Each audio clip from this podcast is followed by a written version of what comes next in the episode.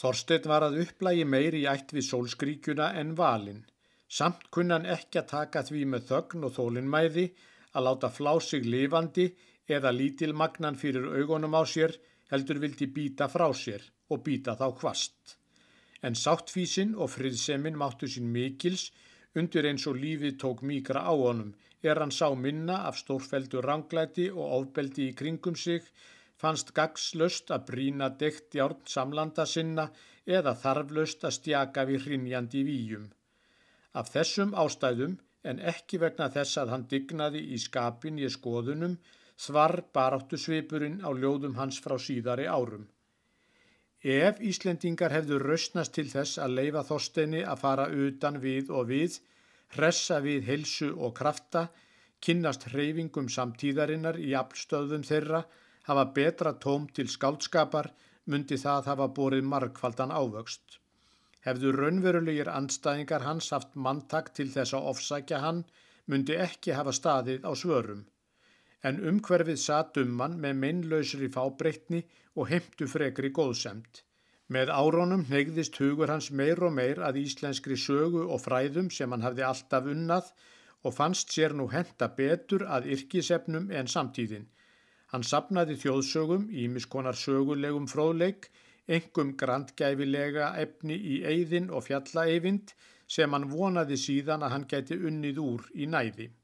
En hann var ásóttur af fólki sem baðan að yrkja tækifæriskvæði og þau urðu miklu fleiri en hér eru prentuð eða kurlaði æfitíma hans með öðru móti. Hann var góðsamur og greiðvikinn, vildi engum hrinda frá sér átti bátt með að neyta bón. Hann varða sína vinum sínum, lifandi og látnum ræktarsemi sína, láta til dæmis engan afmælistag Ragnhildar Björnsdóttur líða svo að hann ávarpaði hana ekki eftir að Páll Ólafsson var látin. Mart af þessum tækifæri skálskap frá setni árum Þorstens er skemmtilegt, sumt indislegt eða tilþrifa mikið, en það tók allt meira rúm í bókinni hans en skildi, sínir í rauninni ránga mynd af þeim viðfánsefnum sem honum voru hugstæðust. Það var ekki heldur auðvelt verk að auka við eldstu prentun þyrna því að engin íslensk ljóðabók fyrir nýja síðar hefur haft svo skjót og margvísleg áhrif er hún kom út. Hvæði Þorstens voru að vísu þegar alkunn úr sunnanfara og emreiðinni en bókin fór víðar. Orkaði meira með samstillingu allra tónana í eina held. Hagmælskan, braglistin, upphafning hverstagslegs máls í veldi skálskaparins hinn ljúfi og ljóðræni þokki hlaut að töfra þjóðina.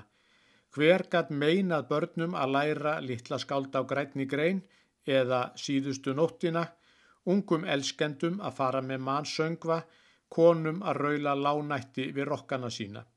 Hver gatt amast við öllum ástarkvæðunum til Íslands og íslenskra náttúru eða hinnu góðlátlega gamni í snildarkvæðinu um jörund hundadagakonung en um leið var þessi litla bók hlaðin tundri, kvekti umsvefa löst í óstýri látum æskumönnum og smög ósjálfrátt með norskætinu inn í hug þeirra sem áttu sér einskis ilsvon, eins og þeim væri gefin besk lif í ljúfengum hilkjum.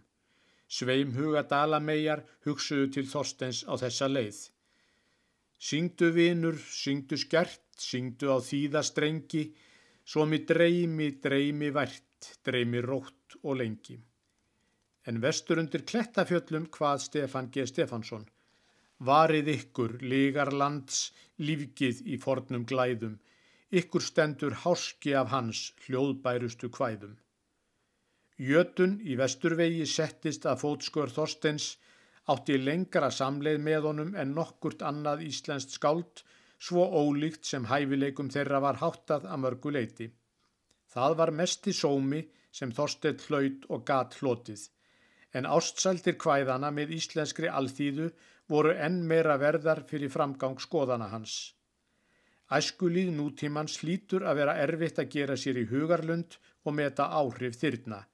Þau eru fyrir laungu orðin blóð af blóði Íslendinga.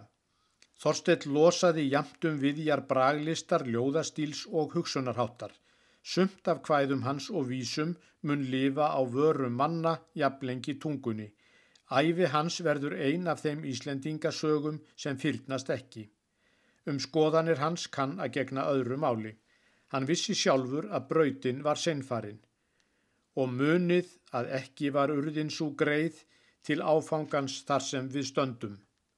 Leiðin var enn laung úr hrjóstrum samtíðarinnar til hins fyrirheitna lands sem hann trúði á. Við lífum það kannski ekki landið að sjá, því langt er þar eftir að vegi, en heils ég þeim kappa sem heilsa því má og kvíla sín augu við tindana þá, þó það verð á degjanda degi. Umbótamönnum framtíðarinnar mun að líkindum þykja þjóðfélagsskoðanir hans hafa náð skamt. En þeir ættu þó ekki að gleima þeim manni sem einu sinni var talin fyrsti og að líkindum síðasti sósialisti á Íslandi. Trúarlíf hans var svo sérstætt að frá þeim vegamótum geta leigið leiðir í gagstæðar áttir.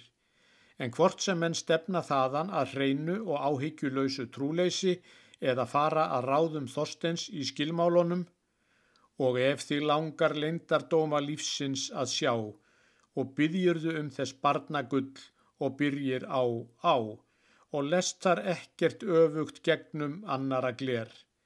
Þá mega þeir virða það sem hann lagði til málana. Þegar trúarsaga Íslands verður rannsökuð og ekki aðeins saga kirkju og biskupa verður ekki und að ganga fram hjá þyrnum. Þorstein var uppi í öndverðan tíma flókinar baráttu og markáttaðrar byltingar, reyrður svo mörgum böndum frá upphafi að umbrotin voru hörð og sár. Engin von til þess að hann losnaði með öllu eða niðurstöður hans yrðu allar viðunandi honum sjálfum og því síður öðrum til langframa. Samt orkaði hann miklu. Hann átti í stríði sínu ekki einungis vegna fortíðarinnar heldur fyrir framtíðina Í ymsum skilningi var það hlutskipti hans að hjálpa sjúkur til hilsu öðrum. Þegar ég hugsa um það sem ég á Þorsteini Erlingsinni að þakka frá því að ég milli vita fór að stauta mig fram úr hvæðum hans í sunnanfara er margs að minnast. Mikils var verðt um fegurðina og eftir vill lifa hvæði hans lengst hennar vegna. Meira nýja brað var þó að þjóðfélags ádelunni og margir hafi ekki skilið fyrir en löngu síðar á æfinni hvernig áhrif hennar höfðu plækt huga þeirra og gert þá hæfari til þess að skilja og lifa breytingar sem þeir höfðu lítið hugbóð um er þeir kynntust henni fyrst. En ætti ég að nefna það sem mér finnst þingst á metónum til andlegrar hotlustu verður mér framar öllu hugsa til trúmálana þótt sumum muni þykja það kynlegt. Vantrúar hvæði Þorsteins áttu drúan og eftir vill Dríkstan þátt í að gera mig saglausan heiðingja á barnsaldri og forða mér svo óbeinlinis frá ymsum hleypidómum á fullorðins árum og ég gerir ráð fyrir að fleiri jafnaldrar mínir hafi frá svipaðri reynslu að segja. Þessi kvæði fluttu ekki neina torskilda speki. Þau voru nógu einföld til þess að greint börn gætu skilið, hressileg og aðlagandi en svo einlæg og alvöru þrungin að þau glættu kvorki létt út nýja heimskur hróka. Það hefur verið sorgarsaga margra mætra manna að þeir gliftu í æsku ymsar krettur sem setna urðu sem böglað róð fyrir brjósti þeirra og þeir höfnuðu loks án þess að verða lausir við eftirstöðvar þeirra. Þeir hafa reynd að hrista þær af sér með yfirborðs alvisku sem var staðlaus þegar á reyndi en í þeim hefur setið niðurbælt guðhræðsla ótti við öll trúarbröð sem var í rauninni um hverfð krettufesta. Hinn svali og ódæli apríl þeir sem liekum hinnar gömlu trúarhugmyndir frá hvæðum Þorstens Erlingssonar var sérstaklega vel til þess fallin að feikja burt í tæka tíð úr hugum unglinga því skúmi sem annars hefði síðar geta meina þeim að horfa berum augum á leindardóma lífsins. Reykjavík, sumarið 1943, Sigurður Nordal.